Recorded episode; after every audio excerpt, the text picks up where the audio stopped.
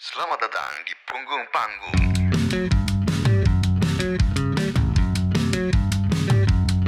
Terima kasih. Sekarang kita pindah ke Stella ya. Stella Stella. bisa diceritain eh, ini project apa dan kenapa lo pilih lagu ini? Sebenarnya ini project di luar skalernya itu sendiri. Uh, ini project kerjasama antara kita dan Jordan Marzuki. Jordan Marzuki adalah seorang ilustrator, graphic designer, filmmaker, director.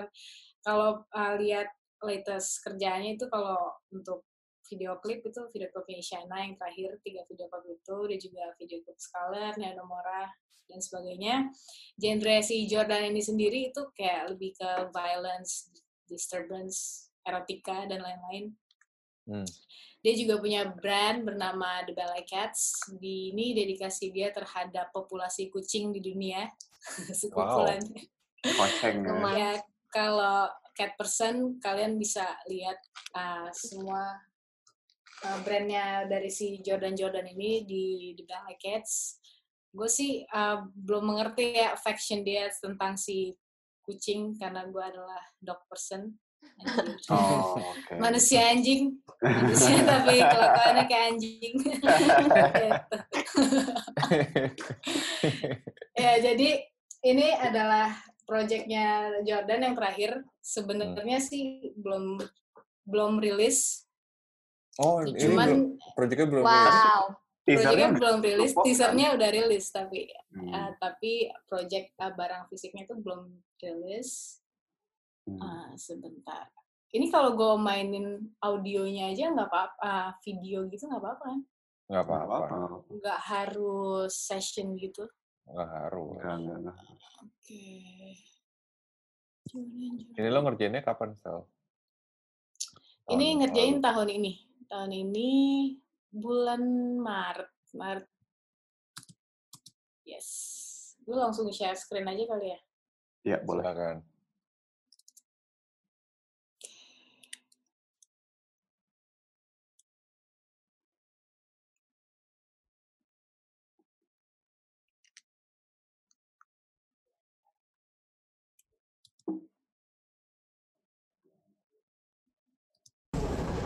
Terlihat nggak? Terlihat. Terlihat, terlihat. Jadi ini proyek kita dan Jordan untuk uh, mengaudiokan, menginterpretasikan sebuah visualnya si Jordan Marzuki mengenai sekumpulan pecinta kucing yang akan datang ke kucing convention, cat convention. Menarik. Jordan tuh gila sih. Kinky Kucing- banget ya. Kucing, kucing convention tuh gue mau datang ya, kucing convention. Yoi. Tapi Jangan. kita tampilkan.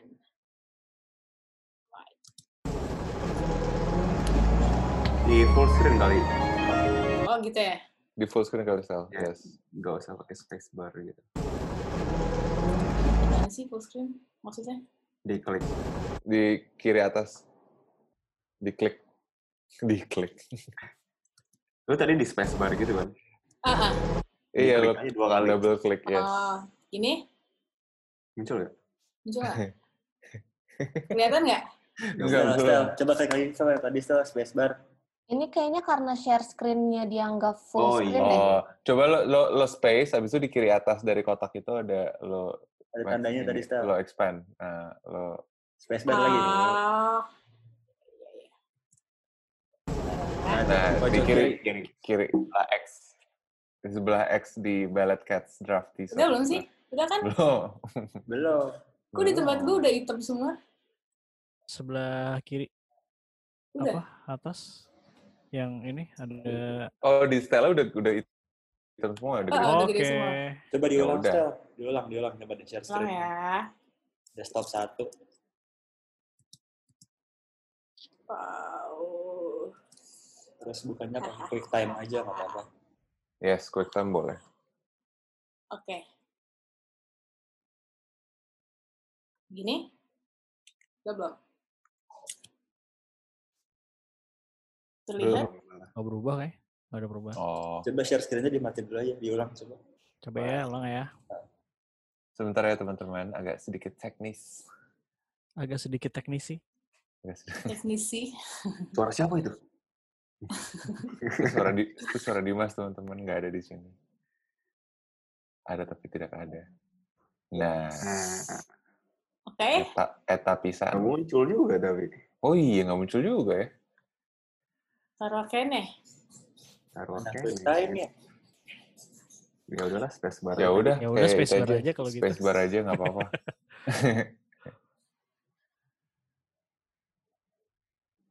Nggak Nggak muncul sih. Iya, Nggak kita muncul. space, kita Tapi space bar di aja. window Sel. doang ada di window yang satu lagi. Kayak. Nah itu ya, chat. Nah, Nah. Ah. Oke. Tiga, dua, satu, sikat. Sikat.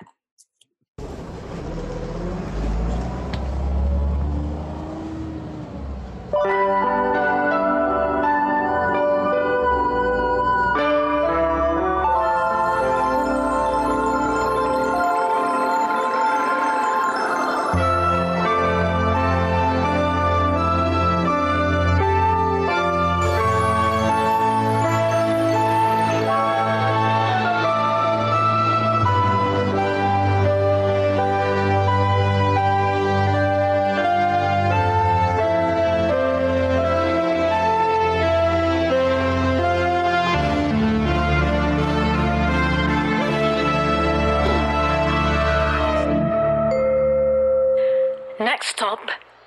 International Cat Convention. Gitu. Gemes banget. Keren banget. Bos LA nggak sih? Bos LA. Ayo dong, ayo dong. Request dong. Oke. Request dong. Mbak, mbak. You one more nih. Wih, One more nih tanggung. Tambah ya sawerannya. Ayo dong, Saweria dong. kayak, kayak tadi space bar lagi deh. Space bar aja Space tapi bar di aja expand ya. aja. Bar abis itu lo expand. Hup. Ya.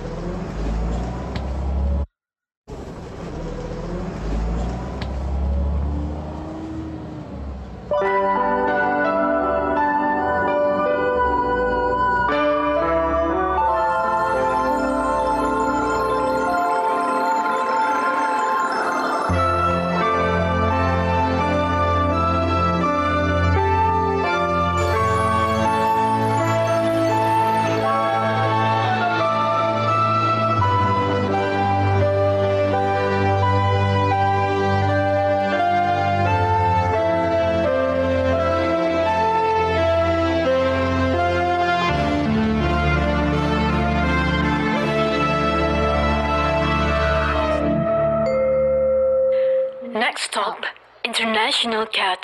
Gemes.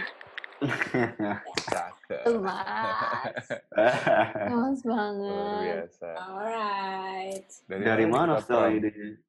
Kayak sebenarnya kan lu udah kerja sama, tadi lu sempat bilang kerja sama sama Jordan di video klip. Video klip Scholar pertama, terus kita juga uh, uh, scoring pertama kali tuh sama Jordan untuk uh, pameran dia tentang buku, buku yang buku tentang si Jordan Marzuki tentang masa kecilnya. Jadi dia punya kumpulan gambar-gambar. Ternyata dari dia kecil, dari dia umur di bawah lima tahun mungkin ya, gambar-gambarnya itu dia di archive sama bokapnya. Tapi yang spesialnya ternyata uh, dari gambar-gambarnya ini ternyata isinya tuh unorthodox banget gitu kayak Iya, iya. Kayak violence, kayak war, kayak astronaut, kayak semua yang absurd banget isinya ternyata. Gori banget kan anaknya sebenarnya. Gitu. Nah, itu ah kerjasama pertama kita scoring buat Jordan, ini yang kedua dan yang ketiga akan rilis lagi ah, untuk project sama Jordan ah, memvisualisasikan suatu kota yang akan baru dibangun, bukan Meikarta ya. Gue udah lama tidak mendengar Meikarta hari ini. gitu. Gue boleh nanya nggak? Um, nggak, just to clarify, itu itu tadi intro apa the whole Hmm. thing? Apa we gonna get more of those stuff atau gimana? Akan ada yang lain lagi sih harusnya. Nah, itu kapan bisa kita expect keluar dan bisa di, bisa dinikmati oleh teman-teman yang lagi nonton nih? Wah, hanya Jordan dan Tuhan yang tahu kadang. Tapi yang menarik sebenarnya di proses kreatifnya sih ketika Jordan Hmm. ngasih nga- ngazi kan Jordan ngasih Ah, Jordan ngasih ah, referensi ah, dan vibe itu ah, scoringnya si Daniel Lopatin itu Uncut Gems. Ya. Di mana kayak itu mm, soundbanknya bukan soundbank gue banget dan itu hal-hal yang baru banget buat gue ketika harus ngulik soundbank 80s ternyata si Daniel Lopatin um, merepresentasikan synthesizer di 80s itu dengan sangat baik gitu loh. Dan ya gue hook banget sih. Dan dapat kesempatan project ini gue juga tergelitik banget gitu. Gue mainin soundbank soundbank kayak gini kayak digital piano yang ada chorusnya gitu kan geli banget tuh kadang tuh. Terus, tapi gue harus adain soundbank itu buat project ini jadi it's a new thing to learn. Dan lo boleh share nggak saat Jordan men- me- mengelaborasikan ceritanya gitu ya? Dan dan dan se, se ini nggak sih se se demand bukan demanding se vokal apa dia pengen kayak ini lo cerita tentang ini sampai kayak lo bisa ngedapetin feelnya apakah itu diserahkan ke lo apakah dia punya visi khusus dan harus di connect antara cerita sama eksekusi musik Dan eh, yang menariknya tentang kolabo- kolaborasi ini, si Jordan sudah sangat mempercayakan kalau gue tahu deh lo bisa gitu. Ini di departemen lo gitu. Ah, lo harusnya gue pengen ini kedengeran juga kayak Sarah dan Renee gitu misalnya. hmm. Ah, kayak gitu. Dia juga masih pengen ada DNA-nya gimana kayak terdengar synthesizer cuman nggak terlalu beda sama arahnya si gitu. Hmm. Dan ini kan full synthesizer orkestra kan, nggak ada beats, nggak ada gitar, gitarnya pun jadinya noise doang gitu di sini. Hmm. Menarik. Ini kan sih. sebenarnya ini kan eh, artikel terbaru dari produknya Jordan kan sekarang. Benar, benar. Kalau mau lihat nih ada ada banget sih nih. Belum rilis, cuman gue udah punya. Wah, gemas. wow Yoi. Jadi Oh, palanya bisa bisa. dicopot, palanya bisa dicopot diganti pala kucing. Dan Oh, nice. A literal cat person. banget. mantap. Tapi yang menarik tuh Jordan tuh cat person tapi gore juga orangnya kan. Gor banget, ah. dan kalau nggak ada banget. gor ya nggak Jordan. Tadinya Flare aja Iya. Flare aja video klipnya harus ada Rene berdarah-darah gitu kan anjing nyerah. Iya, iya, iya. Tapi yang mau gue tanyain tuh gimana lu merespon eh, keinginan Jordan gitu secara secara ini ya proses rekamannya atau ketika lu mengeluarkan synthesizer itu ya ketika Jordan bilang ini cat person kita cat invasion segala macem lu responnya itu sesulit apa sih style kayak apakah lu tiba lu harus meresapi kan tadi lu bilang lu dog person kan sebenarnya. Hmm. apa kalau harus main kucing dulu atau gimana gitu? Main kucing. Mandi kucing mungkin. Oh, Kak Teguh. gimana? Tuh Eh, Sebenarnya gue dari awal udah bilang ke Jordan sih, gue nangkep sih Jor vibe-nya. Gue kayak harus, gue gue kayaknya tahu mau ngapain dan kayak gue saat gue kasih draft pertama gitu, sebenarnya gue seneng banget sih gue pas gue ngasih draft pertama dan semoga Jordan seneng ternyata dia seneng banget gitu. Gitu. hmm. Nadine mungkin ada komentar atau bagaimana perasaan tentang project Jordan dan Scholar ini Nadine suka kucing nggak? Aku suka, aku cat person. Soalnya karena aku kan nggak pernah, eh, di keluarga aku lumayan ketat banget kalau masalah anjing nggak boleh gitu. Hmm. Hmm. Tapi waktu itu kakakku pernah pernah nyembunyiin kucing, anak kucing dalam kamar. Dan itu ketahuan juga. Akhirnya gimana ya? Nyembunyiin hewan, nggak mungkin nggak kayak Iya. nyembunyiin rokok gitu, nggak kayak nyembunyiin. Aduh. Dia nyembunyiin kucing, dia pasti akan bersuara, dia pasti akan jalan-jalan. Suka banget. Cuma aku aku tuh suka banget gambar-gambar yang banyak detailnya gitu loh. Terus tadi ya, Hmm, terus dari suaranya juga ada detail. Aku mau nanya tuh tadi siapa yang bilang next stop International Cat Convention. Was that you? Iya. Kemas. Lu langsung inget ini tau lo kereta di Jepang gitu gak sih kayak Iya sih. Iya. Eh, Iya, bener-bener. ceritanya emang kayak tram-tram exit gitu kan. Iya Gue mau nanya ke Nadine, Nadine ini nggak eh, ngikutin atau misalnya dengerin scoring-scoring atau soundtrack musik gitu nggak? Ada nggak yang nyangkut gitu? Kayak kemarin kan Nadine ngisi misalnya Mulan gitu ya. Atau ada yang lain nggak eh, soal scoring atau soundtrack film? Nggak tahu banyak aku. Yang aku tahu Disa suka scoring udah itu doang. aku nggak tahu banyak. Tapi aku aku sangat mengapresiasi kalau misalnya emang di film scoringnya kalau scoringnya cantik, aku pasti akan bisa lebih. Karena menurut aku se seberpengaruh itu ya, mereka pasti bergandengan banget visual bagus. Kalau tanpa scoring yang baik, mereka akan jadi kentang aja gitu. Dan Hmm. kalau misalnya scoring udah bagus banget, tapi visualnya juga kurang, kayak kurang aja tetap gitu. Dan menurut aku kalau misalnya em, di film industry, kalau misalnya mereka sudah menemukan orang yang bisa scoring dengan sangat baik, dan kayak tadi juga itu cocok banget, aku gemes banget dengar dengarnya. Menurut aku itu udah plus plus banget. Cakep banget sih. gue mau ngulik ini sih, Stel, kan tadi lo mention Daniel Lopatin sama One Tricks Point Ever ya. Hmm. Itu tuh yang datang dari, lo, lo, dia, lo propose ke Jordan apa Jordan yang kayak gue maunya kayak gini nih gitu. Itu pertama gitu. Jordan yang maunya kayak gitu. Oh, gue mau uncut gems nih, ininya nih, Iya, feel-nya. oke, gitu. vibe- vibe-nya. ah, ah. Yes, yes, yes, yes, yes, yes. Dan dan dan dan buat lo itu nyambung. Mas gue secara frekuensi sama Scalar kayak masih masih satu frekuensi tuh. Buat lo itu baru banget. Uh, sebenarnya gue merasa ter-challenge juga sih ini kayak Hmm. sesuatu yang baru juga gitu dan nggak ada beats juga. Mungkin sebenarnya scoring yang sebelumnya juga nggak ada drum beats atau apa pun.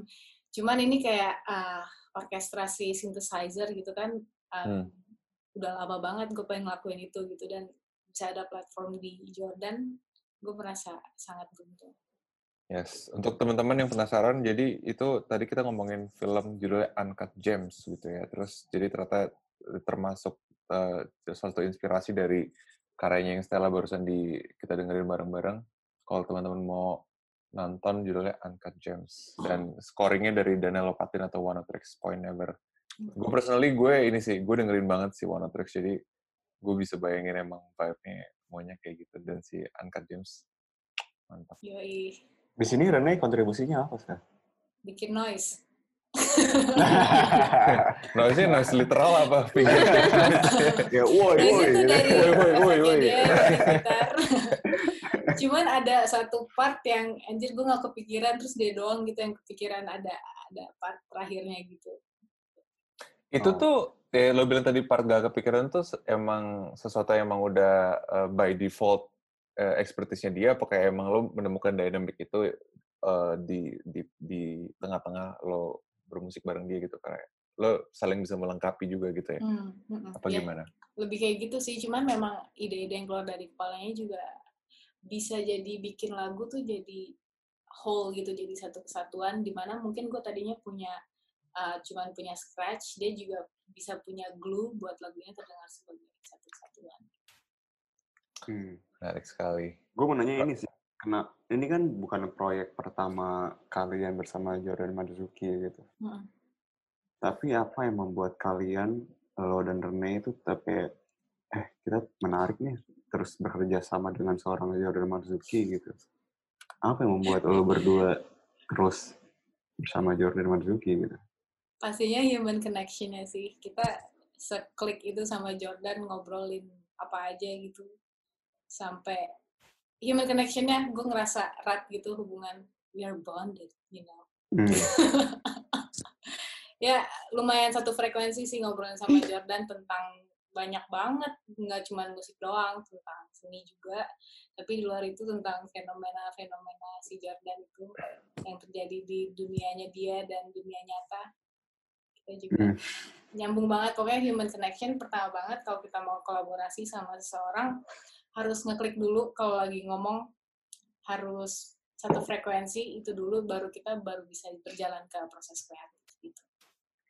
ini gue mau mention ada Mas Jordi Putra bilang teh scoringnya Eternal Sunshine. C, gue Yes. langsung hook karena gue suka scoring Eternal Hmm. Sunshine.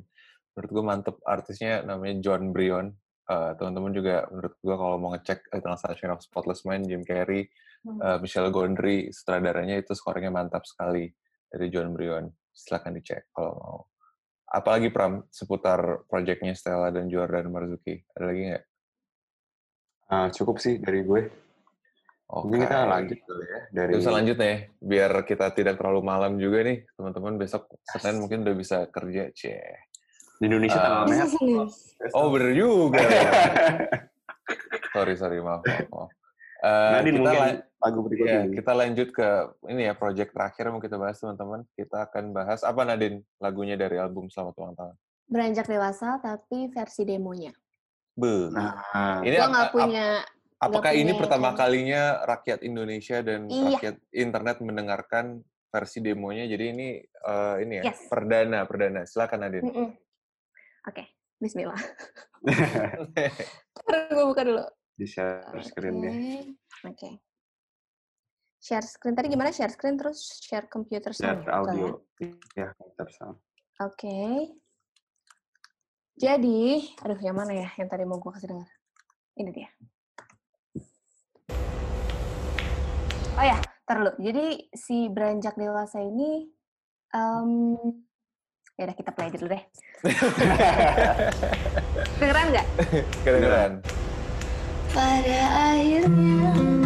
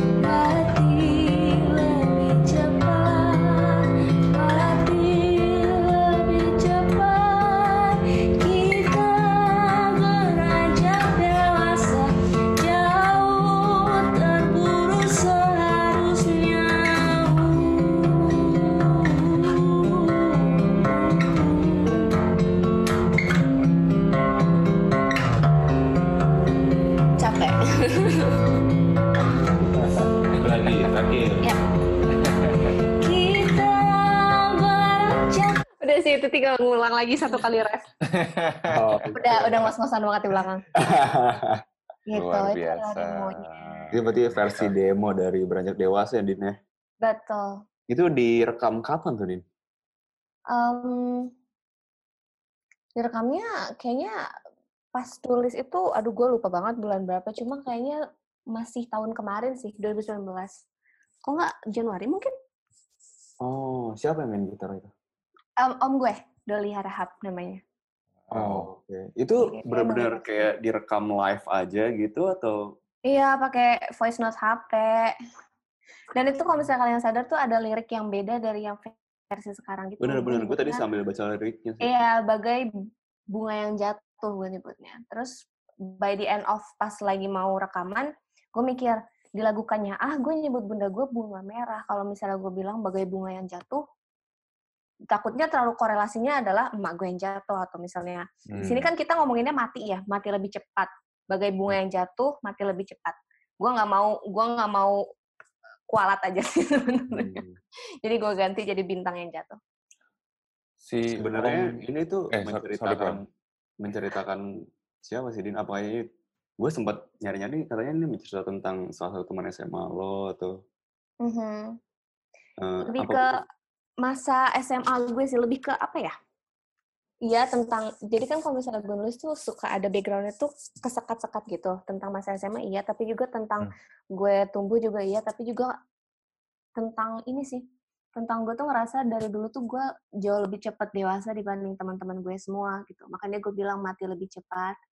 Hmm. Eh, terus gue juga bilang berteman dengan sebentar karena gue ngegambarin berteman dengan sebentar adalah yang masa-masa SMA-nya gitu. Hmm. Oke, sebenarnya gue salah satu hal yang paling gue pingin gue tanyain adalah penggalan lirik mati lebih cepat itu sih kayak eh, di berarti ini lu di usia 19 tahun ya lu menulis lirik exactly mati lebih cepat gitu ya. Eh, kalau gue mencoba trace back ke, Pesimis ke ya, sorry banget. kalau gue mencoba trace back ke diri gue gitu ya 19 tahun gue juga mempertanyakan banyak hal gitu ya tentang hidup tentang apa gitu segala macam. Gue sampai nanya ke ustadz lah segala macam. Ini tuh Wih, ngapain sih kita kayak gitu? Aduh. Been through done that. Oh, iya yes. iya dan tapi gue nggak menemukan jawabannya gitu. Dan lo di album di album selamat ulang tahun ini tuh lu seakan-akan udah punya konklusinya gitu. Kayak lu nggak lu dengan gamblang menyebut akhir dari ceritanya gitu kayak mati lebih cepat lu kayak di intro tuh bahkan lu nyebut mati juga gitu kayak sebenarnya eh, state of mind lu lagi di mana sih ketika lu nulis lirik ini kayak stages life lu tuh lagi di mana sih kayak penasaran gitu. Sebenarnya di lagu-lagu di album gue ini lagunya youthful, terus nadanya juga ceria. Cuma kalau misalnya lo perhatiin liriknya pesimis semua sih. Kayak gue Hmm. bilang hidup berjalan seperti bajingan. Eh, gue juga menyamakan bunda gue sesuai seperti kayak marahnya sama, walaupun senyumnya sama, tapi yang gue sebetulnya adalah marahnya sama, gitu. cara cara kita marah sama. Gue ngerasa apa ya? em, mungkin itu state of mind yang kayak eh, anjir ini tuh jalan terus gue juga masih belum tahu apa-apa gue ngerasa ini baik-baik aja cuma juga at the same time banyak yang belum selesai dan banyak yang gue nggak ngerti jadi mungkin coping mechanism gue membawa gue ke arah yang lebih pesimis gitu loh karena gue takut kalau misalnya gue terlalu positif gue takut gue jadi kecewa jadi ya udah kita bawa aja langsung ke pesimis gitu Hmm. Hmm. gitu Jadi seperti mungkin itu kayak emang tadi lo bilang coping mechanism lo justru lo pengennya malah me- memproject sesuatu yang lebih pesimis karena lo lebih protektif terhadap diri lo Iya. gitu kali ya. Hmm, I see. Menarik sekali. Gue sebenarnya ya. eh, tertarik sih ketika kemarin lu sempat uh, zodiak lu apa tuh kemarin Gemini. gue gue Gemini. gue bukan orang zodiak gitu tapi kemarin Yeah. kemarin Tapi lu suka ke zodiak ya. pernikahan lo dong iya gitu gitu. gue bukan orang zodiak tapi tapi kemarin lu bilang kalau Gemini itu eh, apa ya kemarin lu bilang kayak di hadapan orang A lu akan seperti ini di hadapan orang B akan seperti ini gitu Iya. tapi gue ngerasa kalau maksudnya gue mengikuti lu ketika All Good rilis gitu. Tapi Mm-mm. ketika Selamat Ulang Tahun rilis, gue ngerasa semua yang ada di dalam diri lu tuh keluar gitu loh, Dim. Kayak, apakah lu eh, segitunya 100% mengeluarkan apa yang ada di dalam diri lu, tumpahkan ke lirik di Selamat Ulang Tahun, atau sebenarnya ada juga hal-hal yang yang enggak kok, ada juga hal-hal yang lain yang di luar diri gue gitu. tumpah semua sih jujur kalau lyric wise apalagi dengan nada-nada yang kayak tadi tuh pas di demo kalian bisa dengar di bagian akhir-akhir tuh gue udah mulai ngos-ngosan nyanyinya karena itu bagian kita beranjak dewasa itu bagian bener-bener yang gue nggak pernah di lagu gue sebelumnya ngambil ngehit nada sampai setinggi itu Hmm. Hmm. Tapi gue ngerasa di album ini bener-bener harus keluar semua karena kalau misalnya kan ini kan sebagai pertanda nih ya bahwa gue ke depannya harus seperti apa gitu. Kalau misalnya di sini aja gue masih takut-takut, gue ngerasanya akan jadi curse ke gue bahwa ke depannya gue akan masih akan takut-takutan juga gitu. Jadi di sini gue bener-beneran all out aja mau bisa atau enggak, mau nanti live-nya akan ada resiko segala macam, it's okay. Yang penting lagunya jadi, yang penting menurut gue lagunya in the best form of what they should be Hmm. gitu. Gue mau agak ini sih nanya tadi kan lo bilang versi demo itu yang tadi baru perdana didengar teman-teman tuh yang main gitar Om lo gitu ya, Om Mm-mm. Doli Rahab gitu dan probably mungkin dia jadi orang pertama yang mendengarkan lagu itu dan berpartisipasi sama lagu itu kayak boleh ceritain nggak relationship lo sama Om lo itu apakah dia jadi go to destination lo untuk brainstorming musik apakah dia juga jadi inspirasi lo secara pribadi juga untuk bermusik boleh ceritain nggak Mbak? Jadi om gue itu yang bantu gue nulis Rumpang sama Soraya juga. Jadi emang dia Yes. dari awal yang gue bilang kenalin gue sama Disa juga. Jadi dia emang em, dia bener-bener mungkin Dipa adalah pintu gue masuk industri, tapi om gue adalah tangganya. Kalau misalnya tanpa dia, gue bener-bener gak bisa. Gak bisa ada di sini, Rumpang gak ketulis, Soraya gak ketulis. Album ini juga ada beberapa lagu yang emang sama dia gitu. Em, Hmm. Dan emang kalau misalnya deketnya sih emang deket juga. Jadi kalau misalnya emang ada cerita apa-apa, gue datangnya ke dia dulu untuk nanya ini kira-kira bisa nggak dinadain. Cuma kalau misalnya ada beberapa eh, hal yang dia nggak bisa, gue lempar lagi ke orang lain. Gitu. Jadi lo sering nge-jam bareng dia ya kayak Ah, ah. Ah, dan dan lagu Beranjak Dewasa ini juga yang translate jadi lagu dia juga gitu berarti. Iya, betul. Wow. Gue agak gak sih kayak punya relationship musikal dengan Itu, bener. keluarga besar ya. Gue tuh keluarga gue nggak musik banget, kesel deh gue. Iya, jangan jangan kesel, jangan Oh iya, ada. Nah, lu ada komentar mungkin Sam tentang lagu ini? Gue Eh, impress banget sih ketika Nadine uh, dengan umur semuda itu bisa coin kalau hidup itu semuanya hanya permulaan. Karena memang that's just the way it is gitu. Ketika lo uh, naik uh, di fase hidup lo lo bakal turun lagi gitu. Dan ketika lo berada di luar zona nyaman lo lo akan merasa kecil lagi. Tapi di situ lo belajar lagi untuk menjadi besar lagi. Dan kayak siklusnya kayak gitu-gitu aja. Dan Nadine bisa Hmm. coin dia dia itu uh, di umur dia yang semuda ini gitu. Thank you, Stella. Gue inget Pokoknya kemarin aku sayang Nadine lah. kemarin Nad- Nadine bilang kalau suka vibe yang coming of age gitu ya. ya kita Mm-mm. ngomong, kalau kita ngomongin lagunya The Dare dari, dari Lombok terus lo bilang suka itu dan lagu ini tuh evergreen coming of age gitu loh karena beranjak dewasa tuh maksud gue kayak di umur 40 mungkin lo masih ngerasa kayak lo pengen beranjak dewasa jadi kayak everlasting feeling gitu jadi di umur 20 gini, 30 gini, 40 gini jadi menurut gue ini impactful banget gitu kayak applicable untuk step-step dan maksud gue justru karena lo masukin si part eh, kita mati lebih cepat gitu ya ujungnya kan pasti itu kan itu kan eh, Betul. there's a sense of certainty itu yang yang yang lo taruh di lagu itu dan Mm. itu jadi suatu yang impactful menurut gue untuk didengarkan berbagai orang dari berbagai umur gitu. Mm-mm. Sebenarnya Eh, sih, ya, ya gimana? maaf. Silakan, silakan, silakan. Eh, tadi gue nanya, kenapa ini singlenya? karena ini yang paling menggambarkan keseluruhan albumnya dan yang menjadi tulang punggung idenya adalah bahwa gue ngerasa di umur ini gue terlalu banyak tahu, terlalu banyak terlalu banyak duluan ngerti gitu. Dan semuanya tumpahnya duluan di beranjak dewasa, baru sisanya adalah uh, lagu tentang bunda, lagu tentang bapak, lagu tentang tadi taruh segala macam segala macam. Tapi yang menjadi tema utamanya adalah beranjak dewasa itu. Hmm. Sebenarnya Din, dari versi demo yang tadi lo dengerin ke kita sampai akhirnya menjadi finalnya itu seberapa jauh prosesnya tuh? Em, dari demo itu gue kasih ke Petra, gue kasih ke Petra dia, gue ngasih referensi juga, terus langsung dia translate sih cepet, nggak lama. Oh, Oke. nggak Dari ada yang ya. dia translate juga nggak banyak yang direvisi, terus oh yang banyak direvisi itu adalah kayak kalau dari bagannya nggak cuma kayak suara gitarnya maunya lebih gini atau suara itunya lebih kayak gini. Seperti yang Kak Disa bilang tadi gue BM banget kalau masalah suara. Dan kenapa Mas Petra Sihombing yang dipilih Din untuk lagu ini?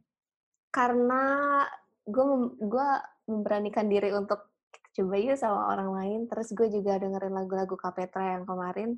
Hmm. Em, di album yang sebelumnya itu gue ngerasa musikalitas dia tinggi banget gitu. Gue ngerasa Hmm. aku butuh orang yang bisa nih.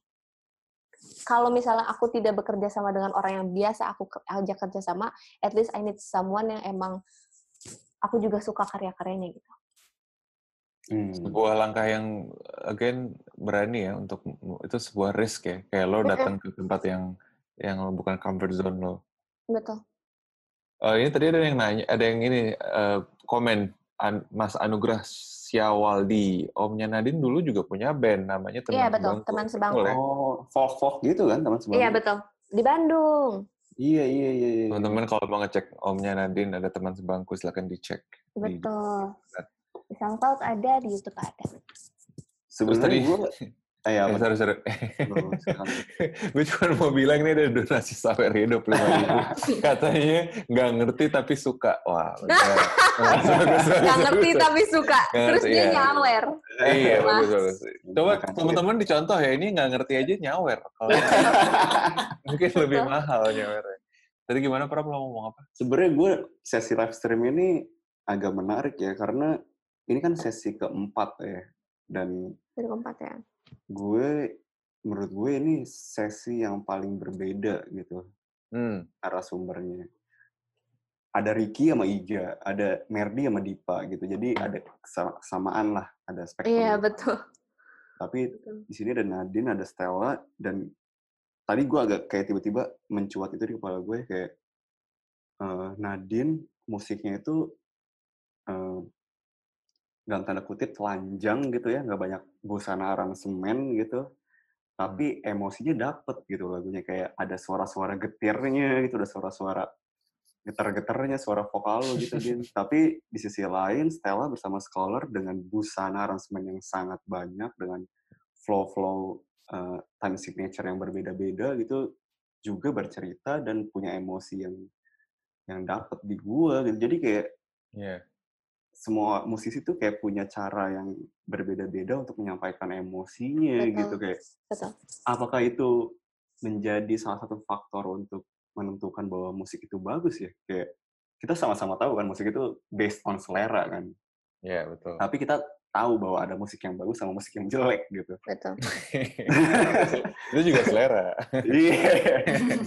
tapi apakah karena si musisi itu berhasil mengeluarkan emosinya sehingga kita kayak berkomentar bahwa oh ini yang bagus nih gitu kayak Nadine Hmm. dengan yang versi telanjangnya wah gue bagus banget musiknya gitu gue nyampe Hmm. dapet gitu Hmm. Scholar juga dengan time signature yang berubah-ubah, aransemen signature yang segala macam juga dapet di gue gitu.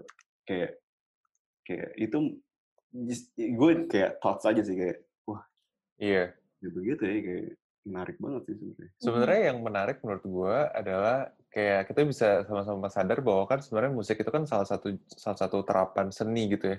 Kan ada seni lukis, ada seni apa gitu. Jadi Mhm. ada seni musik di mana kayak ya ini seni di mana entry point lo ada ratusan ribu cara lo untuk relate sama itu gitu dari mulai bunyiannya, liriknya dan seterusnya dan unfortunately slash fortunately musik ini jadi salah satu format seni yang paling industrialized gitu yang kayak well marketnya terus ada produknya gitu kan. Mungkin eh, mungkin gue bisa bilang misalnya industri seni lukis nggak se-advance atau se-establish seni musik gitu. Jadi betul. kita gue rasa kayak tadi Pram bilang tuh adalah eh, extend extension dari emang betapa fluidnya seni ini gitu. Kayak lo bisa relate dari ratusan cara lo bisa terkoneksi sama produk atau karya ini gitu kan. Jadi menurut gue menarik sih dan dan dan kalau gue bisa share juga sama teman-teman memang dari awal kan kita kayak wah ini seru nih eh, Stella dengan Scalar dengan infrastruktur bandnya dan mus, eh, musiknya yang seperti ini udah gitu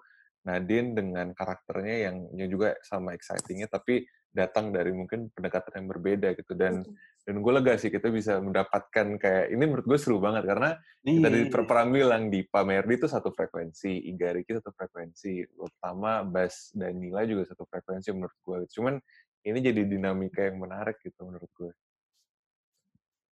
Gue gue awalnya sempet kayak deg, bukan deg-degan yang kayak wah ini works nggak ya, tapi ternyata efektif Iya, banget. gue dan- akhirnya dan- muncul hal itu gitu bahwa gue selalu berpikir kayak sebenarnya ada nggak sih musik bagus gitu ya? Kayak kayak ada nggak sih sebenarnya gitu. Tapi akhirnya gue gue nggak tahu ini Anabel kali ya, analisa gembel ya kayak.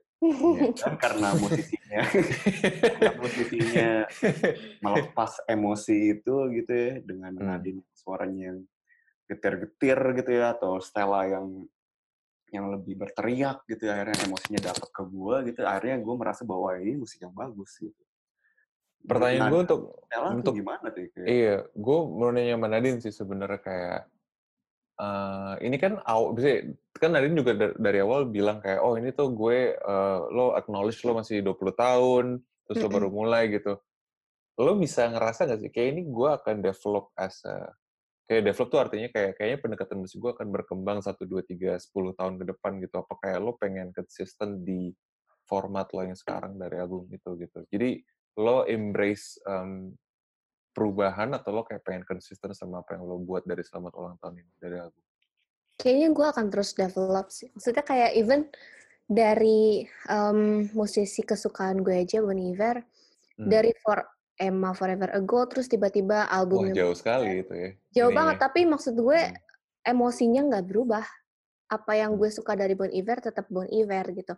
Dan uh, will I ever try a, a music yang kayak seperti Scholar? Hmm. Probably gitu. Malah aku pengen nanya sebenarnya ke Castella, apakah akan ada kemungkinan kakak nulis sesuatu yang kayak telanjang banget seperti lagu-lagu aku? Is it Oh. possible? ah nice question gimana Ayo kita telanjang Nadir. Awas, awas. Ada elit global mendengarkan. Nanti kita di shutdown lagi. di kamar sebelah ya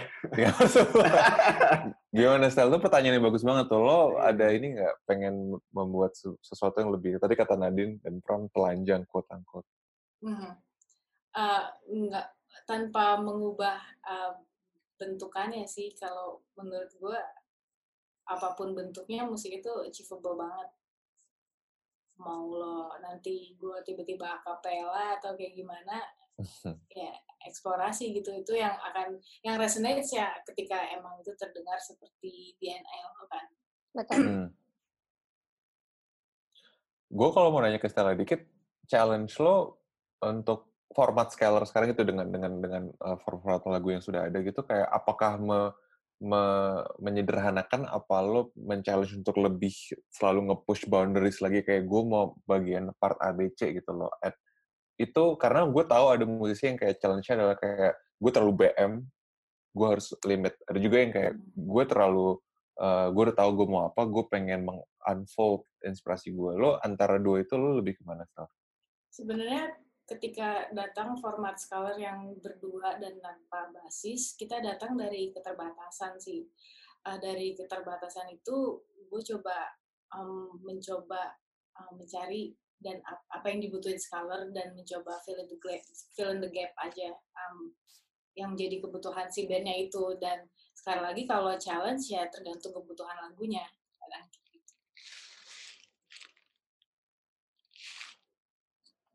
Suara gue mati lu dulu Sorry, sorry. Gue nge-mute diri gue sendiri barusan lupa. Gue tadi cuma bilang menarik, menarik, menarik doang. Gak ada yang substansial. Eh, Pram, eh, untuk beranjak dewasa, apakah ada poin-poin menarik lagi yang harus kita bicarakan? gue sebenarnya mau ngebahas tentang bagaimana sih selamat ulang tahun ini sih secara whole package gitu ya. Eh, seberapa satisfied lo Din dengan akhirnya album itu rilis gitu? Apakah ada sesuatu yang masih menjanggal gitu ya, mengganjal, menjang, eh apa sih? Menjanggal. Sama sama. Mengganjal. sama. Mengganjal. Iya. Iya, sorry, sorry. Yang ganjel biasanya janggal soalnya. Iya, iya. gitu. Betul, betul, betul. Ada nggak, Din? Karena ini masih fresh banget, baru tiga hari yang lalu gitu. Dan Mhm. tadi seperti gue bilang, kayak lu kayak, gue merasa kayak lu mengeluarkan semuanya di sini gitu. Mhm. Tapi apakah ada sesuatu yang mengganjal? Kemarin waktu gue nulis press release, gue sempat bilang sih kayak, iya ada beberapa hal yang yang menurut aku masih bisa diimprove, apalagi dari masalah technical dan em, kayak sesederhana kemarin tuh pas gue take vokal, ternyata cara yang bener itu nggak seperti itu kan gue take vokal sendiri kan di rumah waktu work Hmm. from home bener-bener nggak ada yang nggak ada yang nuntun segala macam tapi pas gue denger lagi albumnya berkali-kali gue ngerasa kayak ini udah sesuai porsi sih menurut gue udah sesuai porsi banget dan gue udah ngerasa berterima kasih banget ke diri sendiri enough udah cukup gitu ini Hmm. udah ini seba, ini adalah kado ulang tahun yang cukup untuk Nadine berumur 20 tahun. Ke depannya ayo kita lebih baik lagi. Hmm. Gue mau nge-highlight ini sih buat kalian berdua ya, Stella dan Nadine ya. Eh, bagaimana bedroom production tuh sekarang semakin semakin Semakin marak thing ya. gitu ya.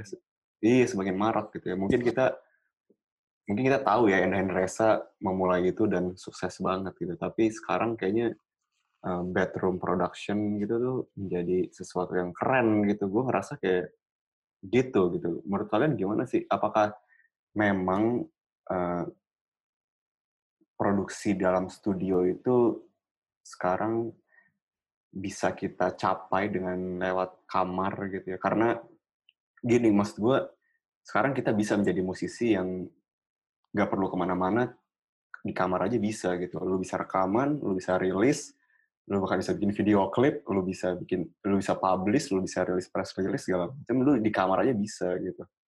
Tapi kita kalau kerucutin ke studio gitu ya produksi musik gitu di di kamar gitu kalian memandangnya gimana sih sekarang gitu dari Stella dulu mungkin.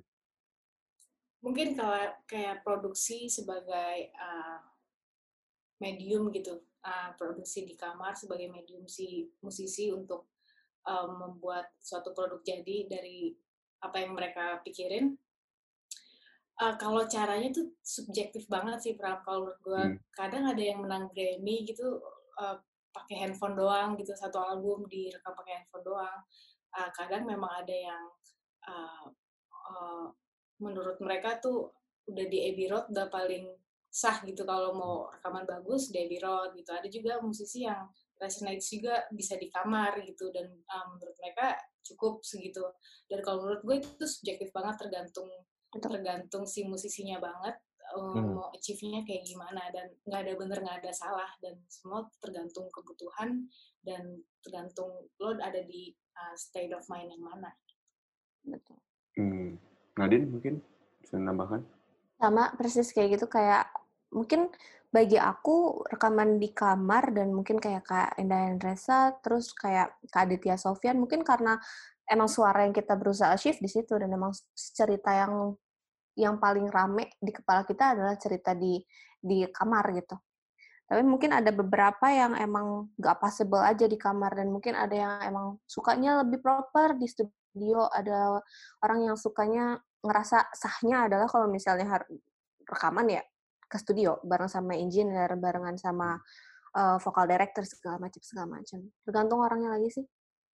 Dan yang menariknya juga memang akhirnya bedroom musician tuh memang meng-embrace imperfection gitu. ya. Jadi itu juga jadi part of the aesthetics juga gitu. Kalau lo pengen bikin sesuatu yang imperfect itu juga emang pendekatannya secara conscious lo pengen ada di situ gitu kan. Jadi menurut gue emang bener tadi kata Nadine dan Stella kalau intention lo apa gitu lo pengen achieve feel yang seperti apa. Menarik banget sih. Eh, ini ada pertanyaan sampingan nih untuk Nadine dari Bisurai Nasution. Ini mau nanya agak-agak sedikit belok ke lagu lain. Buat Dek Nadine, makna di balik lagu Kanya apa sih cerita dong? aduh Um, kayaknya ah tuh tentang bunda gue sih, tentang bunda gue yang selama ini selalu nerima gue apa adanya, selalu bisa menjadi tangan yang paling terbuka lebar kalau misalnya gue lagi baik, kalau lagi buruk, kalau misalnya gue lagi hancur, gue lagi senang-senangan. Sebenarnya momen yang paling jadi trigger itu adalah waktu dulu gue baru kayak patah hati banget gue lagi nangis nangisnya dan gue harus keluar kota. Kebetulan bunda gue adalah manajer gue. Biasanya dia manajer admin di rumah cuma pada saat itu karena manajer road manager gue lagi nggak ada dia harus ikut gue bener-bener nangis dari pesawat di hotel backstage pas nyanyi balik lagi ke Jakarta gue nangis terus tapi dia bener-bener apa ya semalu-malunya gue nangis di depan dia dia nggak pernah judgmental gitu di depan gue Hmm. baru setelahnya kayak kalau misalnya kita udah gue udah baikan lumayan baikan ngata-ngatain orang yang nyakitin gue atau yang kayak itu itu udah jadi yang kayak ya udah friend kayak gitu Hmm. Kanya tuh bukan bahasa Sunda kan nyaah, bukan ya? hanya ah itu artinya kesayangan kadede sama sayang Ah. Oke, gue menarik sih ketika Nadine selalu bercerita bagaimana keluarganya sangat berpengaruh terhadap karir musik lo gitu. Din. iya Mungkin gue mau nanya ke Stella kali. Lu gitu gak Stella keluarga lo? Sesuportif itu gak? uh, sesuportif itu sih malah mereka juga um, melihat kalau baiknya gue well equipped juga uh, dari segi knowledge ya makanya mereka kayak masukin gue di konservatori sampai gue Hmm. bisa ngapain lagi gitu untuk ke depannya Nah ini menarik nih. Aduh, banget. lagi nih. Soalnya gue tahu banget dari visual di panggung itu Scholar tuh well equipped banget gitu. Equipment lo tuh mungkin investasinya bisa sampai ratusan juta nggak sih Stel? Kayak tapi tapi lu manggung di di tiga Katakan- lima gitu iya, iya kan maksud gue ngerti kan maksud gue kayak nggak jadi da- dari ratusan juta ke panggung yang cuma dibayar mungkin kotak nasi kotak gitu kayak lu melihat itu gimana gitu sebenarnya tadi yang gue maksud well equipped tuh kayak secara individual ya secara individual secara lo Secara skill spiritual lo. ya. Iya. Iya. Ya. Eh, maksud gue well tadi kayak gitu Pram cuman eh, kalau untuk eh, alat kayak gitu kan menurut gue tuh prioritas dan kadang gue juga mana alat itu sebagai tools Eh, dan di saat gue harus main di 365 ya misalnya gitu ya gue juga mikir gitu anjir nih alat analog gitu kena listrik nggak stabil 365 tiba-tiba meledak gitu yang nggak pernah nggak pernah pernah sekali sih gitu malah Uh, dan kalau meledak? tuh uh, adaptornya pernah gitu Oh, jadi hmm, alatnya nggak nyala lumayan kan grounding di Indo kan Lumayan. nggak nggak iya nggak iya. stabil gitu ya cuman itu ya mau gimana gue kayak ini yang gue percaya dan gue manggung di dipercayakan di datangnya dari Indonesia gitu kayak embrace aja sih ke tidak sempurnaan dari mana gue datang Tapi lo eh, secara proaktif lo nge-push kualitas dari lo nya. Jadi itu jadi seperti yang emang udah eh, given aja dari Scholar ini adalah produk ibaratnya produksi gue yang harus yang yang gue pengen bertanggung jawab terhadap karya gue. Kayak whatever medannya gimana nanti lo fine tune sendiri gitu ya di tengah-tengah gitu ya. benar benar banget pokoknya individual flourishment tuh kayak harus uh, datang Hmm. duluan gitu. Itu sebuah konsistensi dan komitmen yang challenging ya sebenarnya untuk maksud gue untuk jadi musisi di negara seperti Indonesia Hmm. yang Hmm. secara faktual memang infrastrukturnya punya challenge gitu kan Hmm. dari dari mulai alat dan juga misalnya produksi gitu kan kita nggak Hmm. pernah punya ada standar kualitas yang bisa lo selalu jamin gitu kan lo Hmm. main di tempatnya tadi lo bilang misalnya contohnya venue 365 gitu di Kemang Hmm. lo punya obstacle ABC gitu jadi lo selalu harus memfine tune itu gitu Hmm. Dan kalau menurut gue itu harus jadi modal dasar sih. Jadi mau Itu- lo hempaskan ke dunia Hmm. mana pun, lo siap. sempat frustrated nggak sama itu saat lo harus memfine tune gitu? iya kayak duh ngapain gue di musik nih gitu Iya, atau enggak, ini sound gue nggak keluar nih gara-gara listriknya nggak Iya. nendang gitu. Pernah nggak gitu? Most of the time kayak gitu sih. Kayak ini keluarnya jadi dangdut banget misalnya Iya, sendiri iya, gitu. iya, iya. Emang kurang lebih ya kayak gitu. Cuman ya kadang kalau di dari uh, eksternalnya nggak bisa kita kontrol, kita kan bisa kontrol dari internalnya apa yang terbaik yang bisa kita lakukan. Nggak mungkin sih nggak ada jalan keluar, nggak mungkin banget. Hmm. Iya. Baik, Karena menurut gue baik. kayak musik di Indonesia tuh kayak menipu gitu loh kayak kita terlalu sering ditipu oleh fashion kita kayak iya gak sih kayak ya gue mencoba berempati gitu ke scholar anggapannya kayak aku udah sebagus-bagus itu gitu ya tapi kayak Hmm. Sayang banget gitu itu doang sih. Tapi gue Iya, rasa kayak eh, eh, inovasi kan eh, regulasi atau infrastruktur datang dari inovasi gitu ya. Begitu ada yang nge-push, harusnya ada yang menyusul gitu ya dari. Benar. Jadi kalau ada ibaratnya kalau kita translate ke situasi ini, kalau ada artis yang nge-push itu harusnya di belakang ada yang berusaha untuk nge-match eh, eh, ekspektasi itu. Gitu. Jadi mungkin kita harap kita ada di level itu sekarang ya. eh, soon. Menurut gue sekarang sih kayak diversity atau kualitas produksi musik itu jauh, lebih bagus daripada Ah. misalnya 10 tahun yang lalu gitu kan. Dari mulai vendor itu juga service itu juga memang acaranya sendiri gitu. Jadi where gue like where direct kayak directionnya udah oke sih menurut gue. Em, ini gue mau belok sedikit ke Nadine untuk pertanyaan agak lebih casual ya. Mas Febrian Sujatmiko bertanya nih Nadine di lagu bertaut kenapa milih hewannya landak?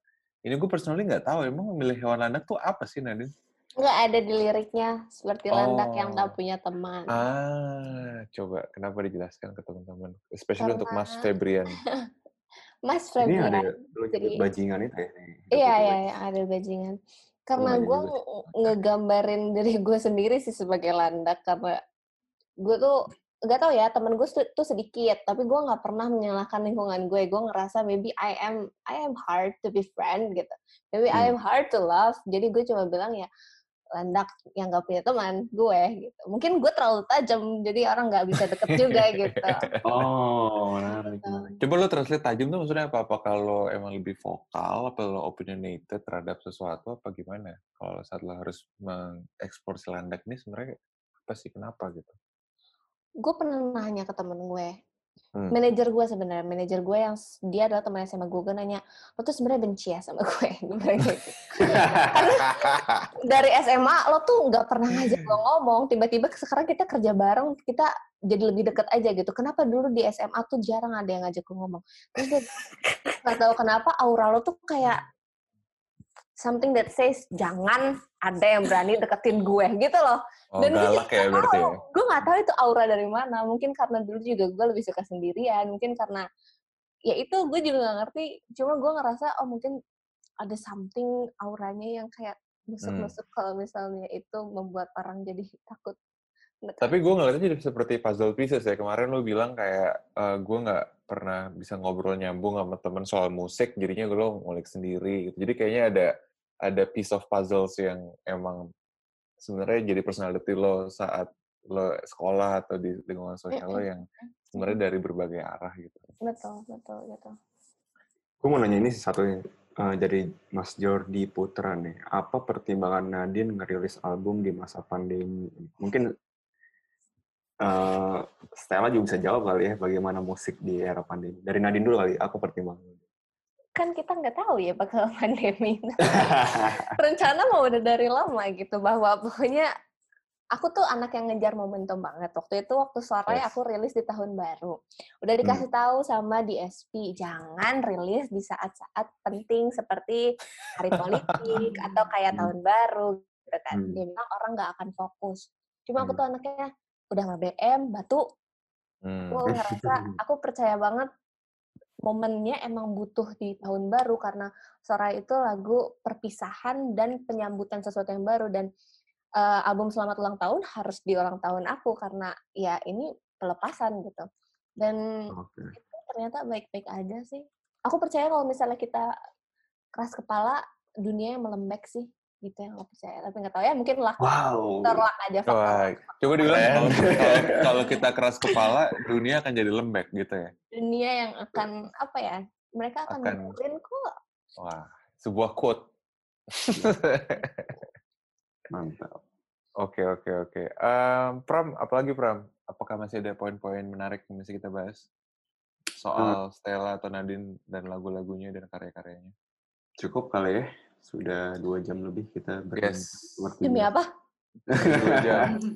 Ada donasi nih. Lagi-lagi tuh Eh. untuk catat-catat dari, Rian Chandra 25 ribu album Nadine gila Terima kasih Nadine, terima kasih juga Thank you. CTC. Mantap sekali. Eh, ini juga ada dari Mas Albert 25.000. Seru banget jadi pengen bisa bikin musik. Bisa Mas, jangan menyerah Mas Albert. Siap. gitu. Eh, Oke, kayaknya sih, kayaknya udah cukup ya Pram. Kita udah ngobrol dua jam lebih nih, udah hampir eh, dua setengah jam. Jadi kayaknya udah empat karya. Kita run through dari jam 9 waktu Jakarta tadi. Ada dua karya dari Stella, dua karya dari Nadine.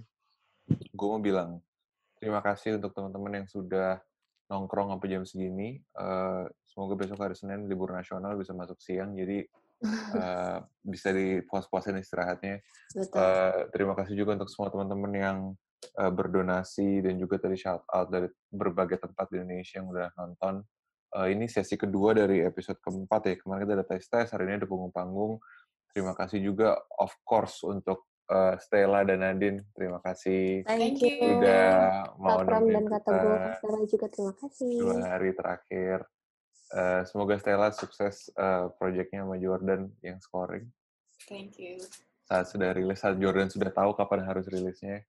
Eh, kabar kabar kabarin kita kita pengen nonton cat convention gimana cerita apa yang terjadi di Pengen situ ikut ke Cat Convention. pengen ikut Eh, dan juga beli mainannya gue juga mau bilang terima kasih untuk Nadine dan selamat lagi sekali lagi untuk album baru selamat ulang tahun Thank you. terima kasih sudah mau eh, ngobrol bareng kita dua hari terakhir. Eh, apalagi Pram ada pesan-pesan nggak mungkin untuk dari Agordi kali ya gue mau mengingatkan sih sebenarnya baik tes tes plus plus maupun panggung panggung. Jadi si tes tes plus plus ini originally sebenarnya kontennya Sounds from the Corner. Teman-teman masih bisa tonton tes tes plus tes tes sebelumnya. Jadi bisa ditonton di YouTube channelnya Sounds from the Corner. Kalau panggung panggung itu sebenarnya originally sebuah podcast atau siniar dari Agordi Club. Kalian bisa dengarkan di Spotify, di Apple Podcast dan kawan-kawan lainnya. Jadi eh, nanti juga versi Stella dan Nadine juga akan kita upload ulang ya, di-upload. Jadi kalau mau dengar lagi bisa banget. Eh, terima kasih. By the way, kalau mau mengusulkan siapa musisi berikutnya di sesi live stream di dua minggu ke depan itu silahkan komentar di eh, sosial medianya Songs from the Corner maupun Over the Club akan kita tampung seperti biasa. Eh, apalagi gue, udah ya.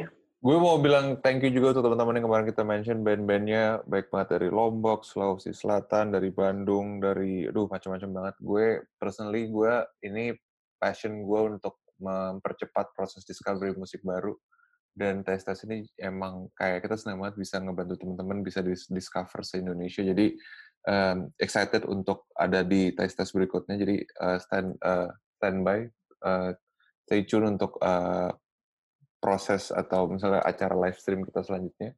Itu sih Pram palingan eh, sekali lagi thank you Nadine, Stella. Semoga kasih. sehat-sehat semua. Stella salam buat Rene, Nadine. Semoga promo albumnya sukses juga. Amin. Em, udah sih, eh, Dimas mungkin kita bisa run, eh rundown lagi. Kita bisa bisa apa namanya eh, countdown. Silakan Dim. Thank you semua. Dadah, kasih. Kak Stella, Kak, Dim, Kak Dimas, Kak Teguh, thank you so much. Thank you.